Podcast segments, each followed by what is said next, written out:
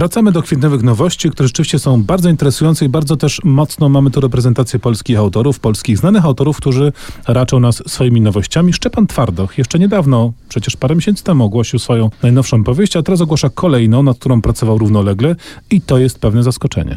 Zaskoczenie, ale nie do końca, bo Szczepan Twardoch w swoich ostatnich powieściach zajmował się między innymi kwestią męskości. Czym ona jest, czym ona będzie i co ona tak naprawdę oznacza. Teraz zajmuje się drugą najważniejszą sprawą na świecie, a być może pierwszą najważniejszą no, pierwszą, sprawą pierwszą. na świecie, czym jest e, kobiecość. E, esencję kobiecości próbuje uchwycić w swojej najnowszej książce, której tytuł brzmi Księżniczka.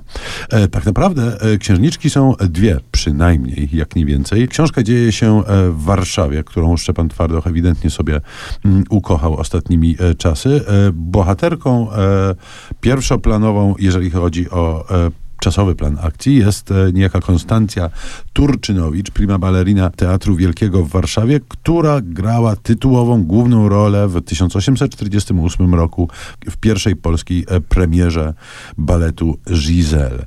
Mm, Opowieść to jest e, niesamowita, szczególnie jak czyta się ją w powieści Twardocha skontrastowaną z opowieścią trudniejszą, mianowicie przygotowaniami do pierwszej premiery powojennej Giselle w 1946 roku. Twardoch rzeczywiście ukazuje nową twarz. Jeszcze nigdy mm, nie kreślił on tak dogłębnie portretów e, wewnętrznych e, bohaterów. Jeszcze większą niespodziankę sprawił nam jednak Jacek Dukaj, który, jak wiemy, powieści dość dawno żadnej nie ogłosił. Ostatnio, jakieś dwa lata temu, wyszła jego wariacja na temat jądra ciemności Konrada, a teraz wydał no, coś, co de facto jest tomem wierszy. Nazywa się to Szkiełko i O. O, z kropką. I jest to tom, którym, w którym bierze y, Dukaj na warsztat y, balladę Romantyczność Mickiewicza, te tam Słuchaj dzieweczko, na nie słucha, którą oczywiście wszyscy znamy doskonale ze szkoły, i przerabia ją, wykręca na najróżniejsze sposoby.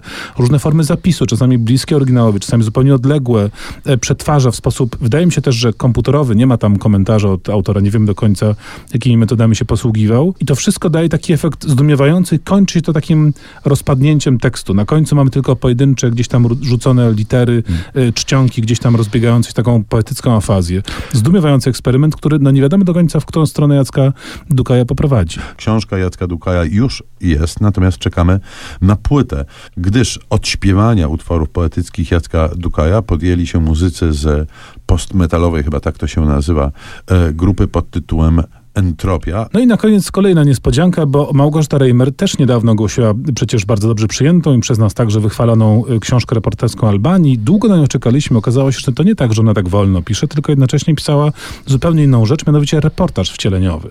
Małgorzata Reimer w książce pod tytułem Garda, prawy sierpowy Garda, wciela się w boksera y, i wchodzi w świat polskiego boksu zawodowego, męskiego boksu zawodowego. To jest niezwykła taka wiwisekcja tego, czym żyją, jakie są aspiracje i, i jakie jest wnętrze y, gdzieś tam ukryte tych twardych mężczyzn bijących się na, na arenie. Ym, Reimer stara się ich pokazać jako właśnie istoty wrażliwe, często kruche, z taką specyficzną delikatnością i lekko poetyckim stylem, który cudownie kontrastuje z dramatyczną no i brutalną w sumie rzeczywistością tego sportu. Jak widać, polscy i nie tylko polscy pisarze pracują bardzo intensywnie, stukają w klawisze. Posłuchajmy zatem muzyki, która w rytm maszyn do pisania będzie rozbrzmiewała. Leroy Anderson i maszyna do pisania właśnie.